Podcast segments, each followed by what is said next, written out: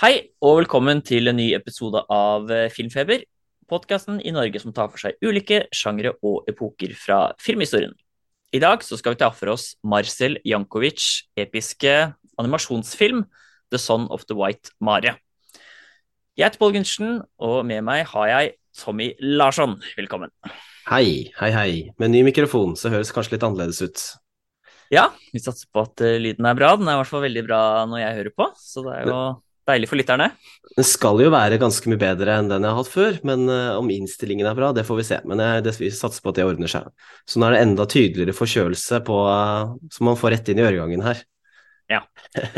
Og så er jo da Per ikke med i denne episoden. Han har vært litt uh, travel, men uh, han kommer tilbake snart. Vi skal få han igjen igjen. Så det har vært litt sånn ja, noen episoder nå over uh, Zoom hvor vi liksom har spilt inn ikke fysisk, da.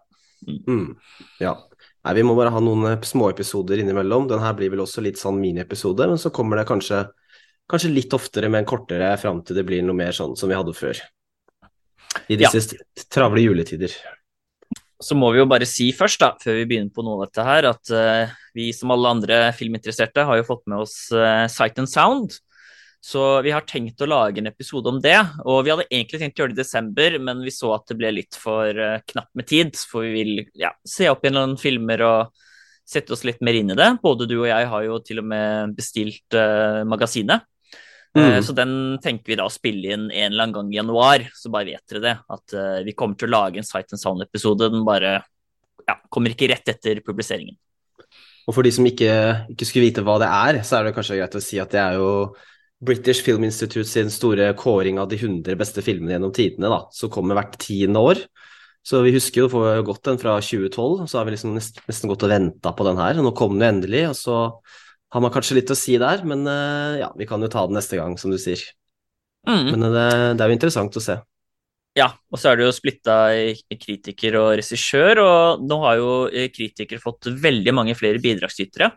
Uh, så det er også interessant at den har også blitt ganske annerledes. Mange klassikere som har forsvunnet, og mange nye filmer som kanskje ikke har vært vurdert så gode, har kommet inn på listen. Så ja, det blir spennende. Jeg tror det har vært en av de liksom, Sight and Soundene hvor det har vært mest store endringer da, siden oppstarten.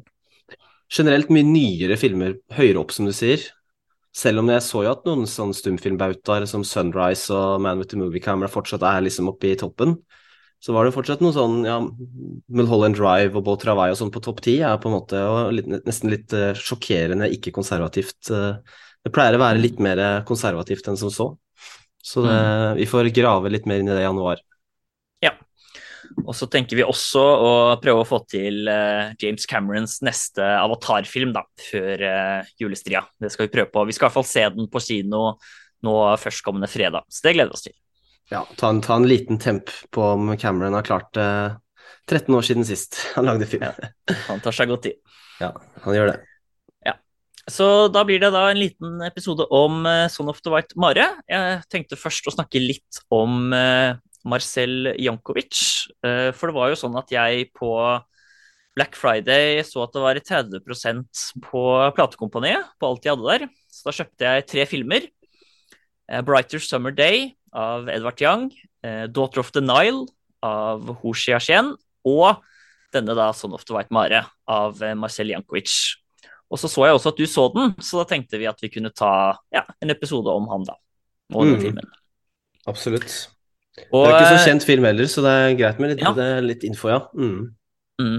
Og han eh, Det som var, da, det var litt sånn bakgrunnsmateriale, litt sånn eh, introer eh, og intervjuer med han da, på denne disken. Det er da fra Masters of Cinema, en veldig fin eh, boks som vi skal legge ut på Instagram.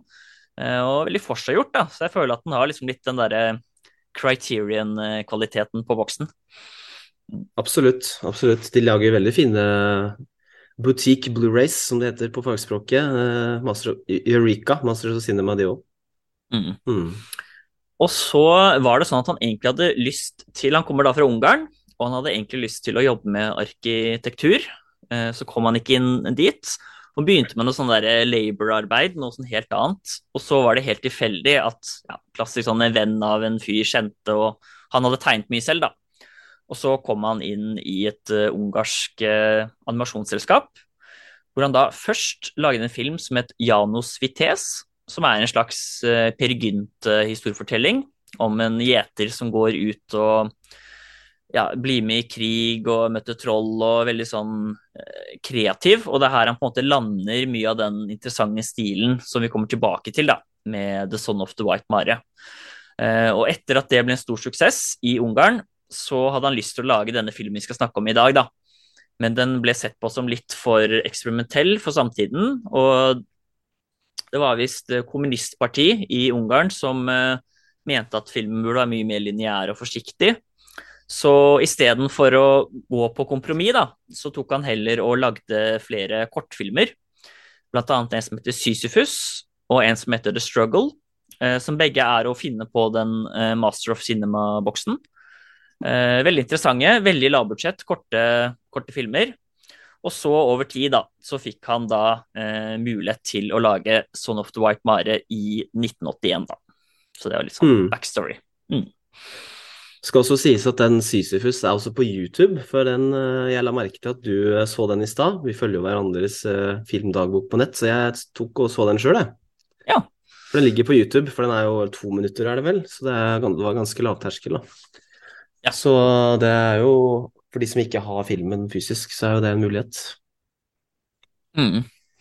Og ja, det som er jo liksom interessant, er jo eh, visuelle stilen, da.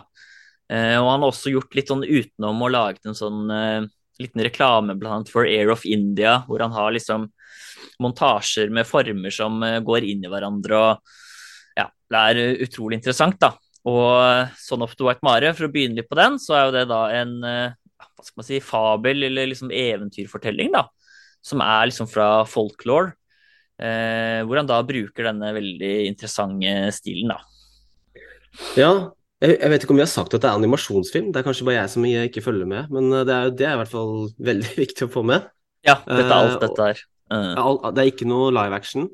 Ja. ja. Vi kan jo godt ta litt om stilen først, for de som ikke helt vet hva dette her er, hvis man ikke har hørt om filmen. For jeg eh, det er på en måte, Hvis du skal trekke fram én ting, vi skal trekke fram flere ting, da, men hvis du må, hvis det, det, nummer én er jo helt klart liksom stilen.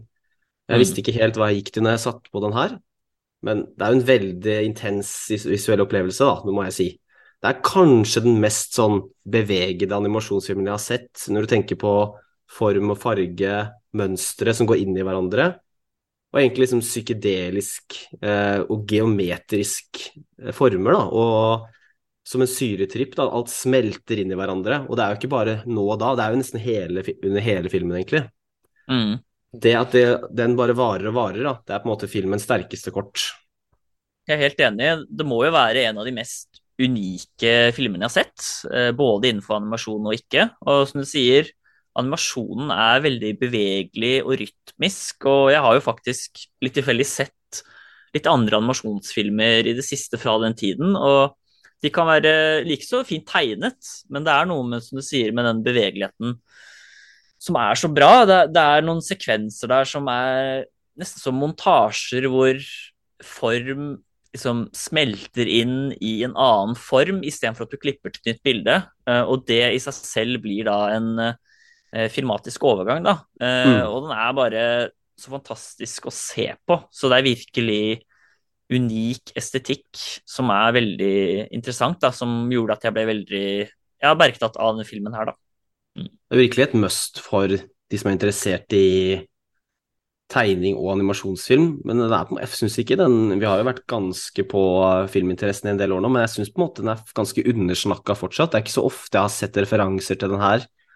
Og det er jo virkelig den mest visuelle animasjonsfilmen jeg har sett. Du får liksom virkelig åpna ditt tredje øye, er det ikke det de sier? Sånn hippie At du liksom ja. Det nærmeste jeg kan tenke meg som minner om det, må nesten være den, noen sekvenser fra den Pink Floyd The Wall-filmen, men det er på en måte ikke like, det er ikke like mye farger og like intenst, men det, liksom, det minner litt om det. Og så er det sikkert noen sånne hyperpsykedeliske referanser fra noen japanske filmer jeg ikke kjenner til, som kan minne om det. Litt sånn paprika osv. Men mm. den er på en måte liksom over det også. Det er på en måte så mye av det, da. Det er veldig lite, lite, lite grounded in reality, uh, på godt norsk.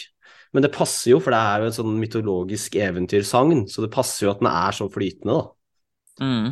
Det gjør liksom ikke noe at det er, at det er sånn hele tida.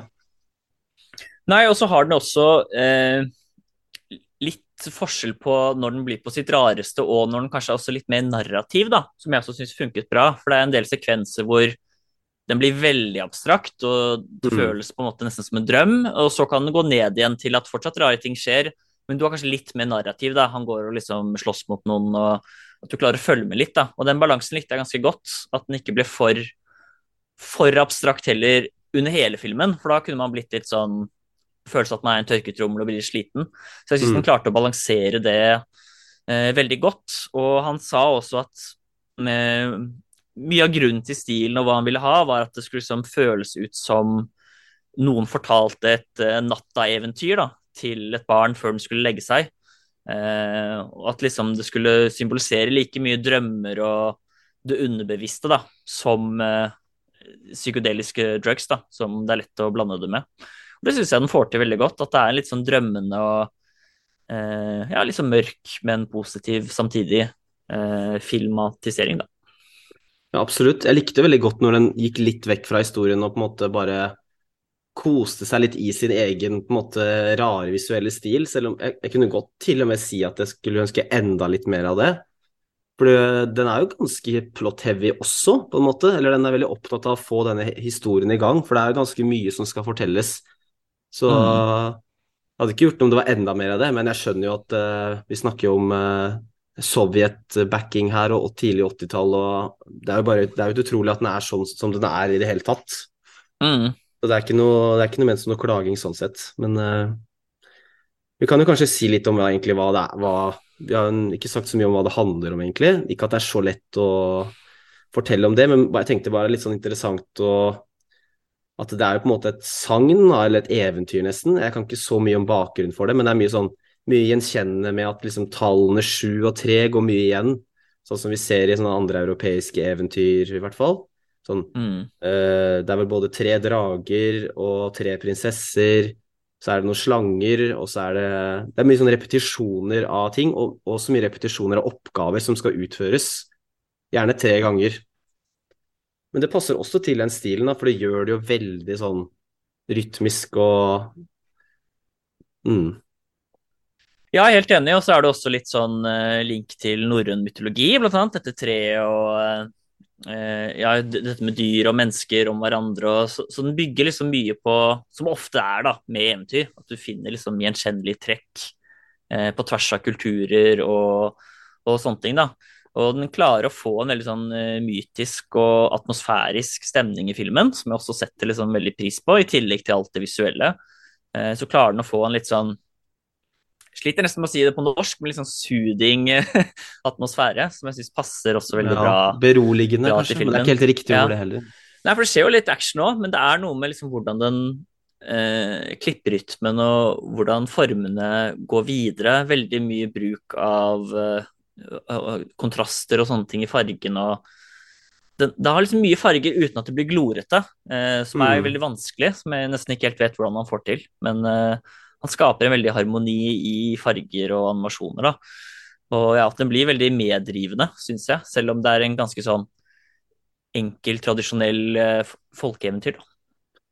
Fargene er på en måte både intense, men litt sånn dempende på en gang. ja. At det blir liksom ikke, det er ikke glorete samtidig som det er en sånn der, eh, Fargerikt. eksplos- eksplosjon av farger. ja. Mm. Ja. Nei, jeg er veldig enig i det du sier. Jeg syns det er litt gøy med alt det der at man ser likheter til eh, mytologier og sånn også. Sånn der, eh, man er vanskelig ikke tenke på Yggdrasil, som du sier, i norrøn mytologi. Og jeg, jeg begynte faktisk å lese litt om det, og det er jo også veldig sånn kjent. Det er jo både i sånn kinesisk mytologi og germansk og sånn, det der med tre, så det er veldig mye sånn Men det gjør det nesten bra at det er så gjenkjennelig for, for liksom flere kulturer også. At du trenger ikke å kunne liksom det ungarske eventyret for å henge med, da. Det er, jo så, Mm. det er jo veldig formularisk, egentlig. Du vet på en måte, du, du ser hva det går i. Og så er det på en Mm. måte han derre gnomeaktige karen, Tom Bombadil, som jeg kalte han, da. Med sju vinger og skjegg og alt- Han er ganske sånn morsom. Ja, Ja, det er også sånn typisk sånn figur som dukker opp i sånne type eventyr, på en måte. Ja, han er ganske morsom. ja sånn liten sånn luring. eh, Det er en ganske morsom scene. En av få liksom, humorscener, vil jeg si. da. Mm. For denne sånn ofte veit Mare, han møter jo sine to uh, halvbrødre eller et eller annet. I hvert fall, De blir iallfall med han.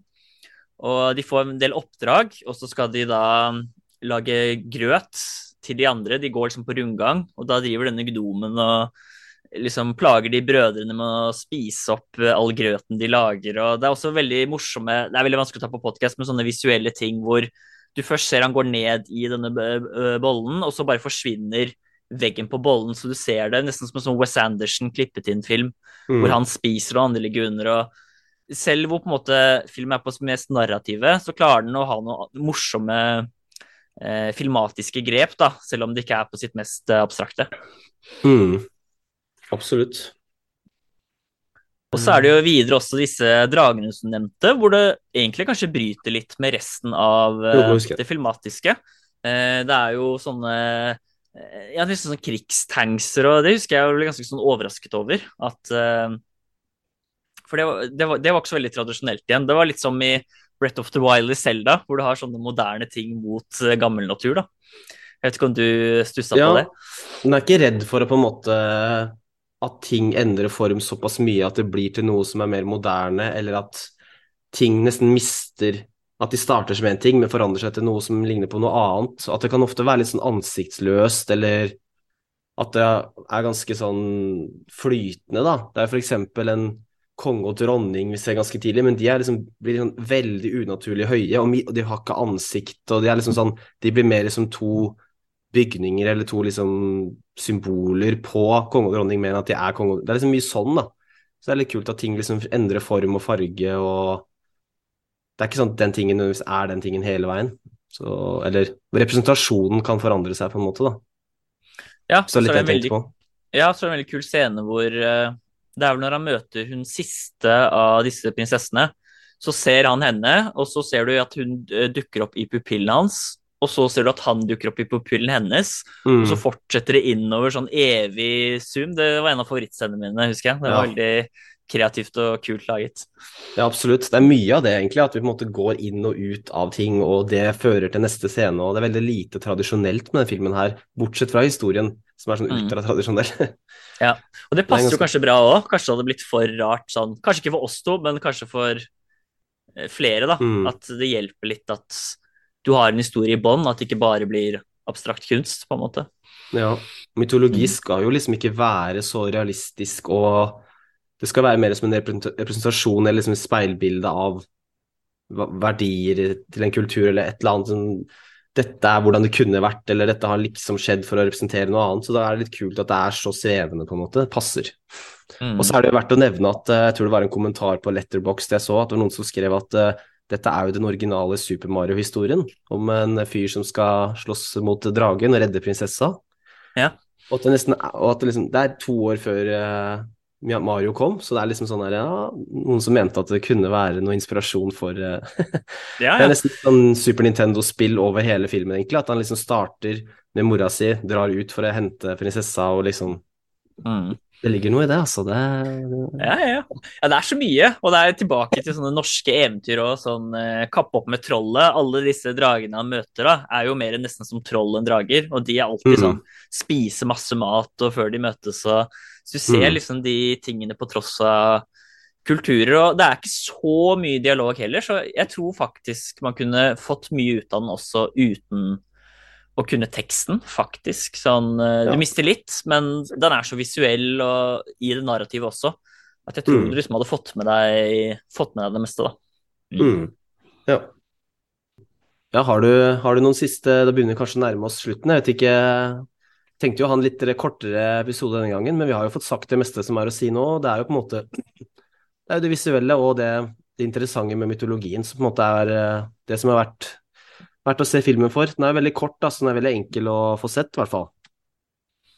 Ja, det er jo det vi måtte må eh, få fram, at eh, selv om eh, av og til liksom style over substance kan være liksom et skjellsord, så føler jeg at dette er liksom motsvar eh, på det. da, at eh, ja, eh, historien er litt mer sånn tradisjonell og sånn, men det er liksom det visuelle, det mytiske, det atmosfæriske og den er så innovativ og kreativ på hvordan den gjør ting. Jeg har jo sett vokst opp med masse Disney og Studio Ghibli, og selv om jeg elsker de også, så er dette her Det er noe eget, altså. Så hvis du er glad i noen form for visualitet, om det er billedkunst eller tegneserier eller film Mm. eller hva det er for noe, så er det, er det interessant bare pga. det. Altså, det er noen ting der som jeg skulle ønske rett og slett bare flere brukte, altså. Jeg skulle Mm. ønske han hadde hatt større innflytelse. Han er jo en litt eh, glemt person Mm. fram til, ja, kanskje nå, da, for et år siden, hvor han hadde liksom Eller to år siden, var det vel.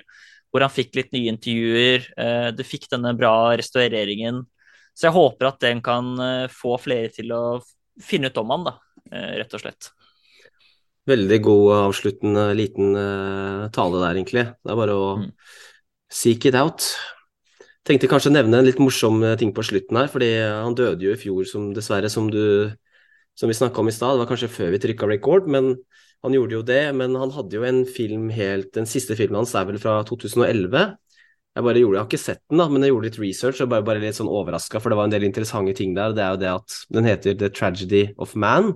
Det handler om Adam og Eva, og det høres jo voldsomt ut i seg selv med den tittelen og det temaet, men det mest oppsiktsvekkende er at den er to timer og 40 minutter lang. Så det er den Mm. lengste animerte filmen i den vestlige verden utenfor Japan. Så det er jo helt utrolig. Jeg vet ikke om den har like intens stil som denne, jeg tror ikke det, for da hadde vi vel kanskje fått den med oss. Eh, Det er jo Son of the White Mare som på en måte er Eller Mare, jeg vet ikke helt hvordan man skal si det, men som er den mest, eh, mest anerkjente, i hvert fall. Fortsatt. Men eh, den virker jo interessant, den også. Ja, og det, en annen fun fact er at den har han jobbet med siden jeg lurer på om det var 1990 eller noe sånt. Ja. Så det er en 88. kjempeproduksjon. 88, ja. Mm. Kjempeproduksjon. Og jeg har sett litt bilder, og det er innenfor samme stil. Så selv om den kanskje er, Jeg kan nesten ikke se for meg at den er like vill som uh, Son of the White Mare, men jeg tror det på en måte er litt som den første filmen han lagde, da, Janos Vites. At eh, det er liksom noe innenfor den samme stilen, bare kanskje litt roligere. Uh, og den skal liksom handle om eh, mer enn Adam og Eva, tror jeg. At det er liksom Mm. meningen med livet og universets historie. Så det er noe utrolige liksom ambisiøse greier, da. Så Ja. selv om det er hissig lengde som man, det er vanskelig å få tid til, så har jeg lyst til å få sett den en eller annen gang. Altså. Når jeg liksom har sett Ja, kommet så inn i det nå. Så det er bare å finne en dag hvor man har det overskuddet. Ja. ja, den høres veldig kul ut, for det har, har taglinen her, eller ikke tagline, men plot synopsis er uh, Set in several, several different eras spanning from biblical creation to 50,000 BC to the distant future and follows Adam, Eve and Lucifer as they explore humanity and the meaning of life with each Mhm. segment as having a different visual style to reflect the art of the time periods. Det høres jo veldig kult ut, da. Ja. Og bare det at den var 23 år i produksjon da, før den kom ut, det jo, høres jo eh, smertefullt ut. Men eh, ja, den følger vel ikke med på den eh, Eureka Blu-rayen, antar jeg. Men, Nei, den var ikke der. Så jeg Jeg vet ikke om den er restaurert heller, jeg. Men uh, den er jo ikke så gammel, så den trenger kanskje ikke å restaureres. Men uh... Nei, den er jo ikke så gammel, så den bør jo ha Den bør ikke ha noe VHS-estetikk, for å si det sånn. nei, selv om mange av segmentene ble vel er jo fra 88, da, siden den ble på en måte vist, lagd delvis og så satt sammen til slutt, så vidt jeg forsto. Så er vel noen av delene sikkert ganske gamle også. Så, men ja, det er verdt å nevne at den eksisterer i hvert fall. Mm. Mm. Ja, så han har på en måte ikke Han har ikke gjort så altfor mye, men eh, det han har gjort, da, eh, er veldig bra. Og så har han jo, som mange av de andre, liksom jobbet som animatør og skisser på andre produksjoner ved siden av, da. Så, Mm. Eh, men han fikk noen regissørtitler, og det, det må vi være glad for. Ja. Ja, så med det så kan vi egentlig runde av. Som sagt, Sight and Sound eh, på nyåret. Og så prøver vi også å lure inn eh, litt avatar før jula setter inn. En liten The Way of Water minianmeldelse der. Jeg vet ikke helt når den kommer, men jeg tror ikke det blir så lenge etter den her. Mm. Kan jeg slenge Ja. på en aller, aller siste liten brennaktuell en, siden vi har snakka så mye om animasjon i dag? Ja. Tenker jeg at det kan være verdt å bare si en liten anbefaling, og det er uh, Guillermo del Toros Pinocchio på Netflix. er veldig fin stop motion. Så det er eh, anbefales både til deg, Pål, og til dere som hører på. Er Ja, vanskelig skal ikke like de dokkene når det ser så pent ut. Takk for Ja, den skal jeg få sett. Supert. Da snakkes Yes. vi. Ha det bra. Ha det.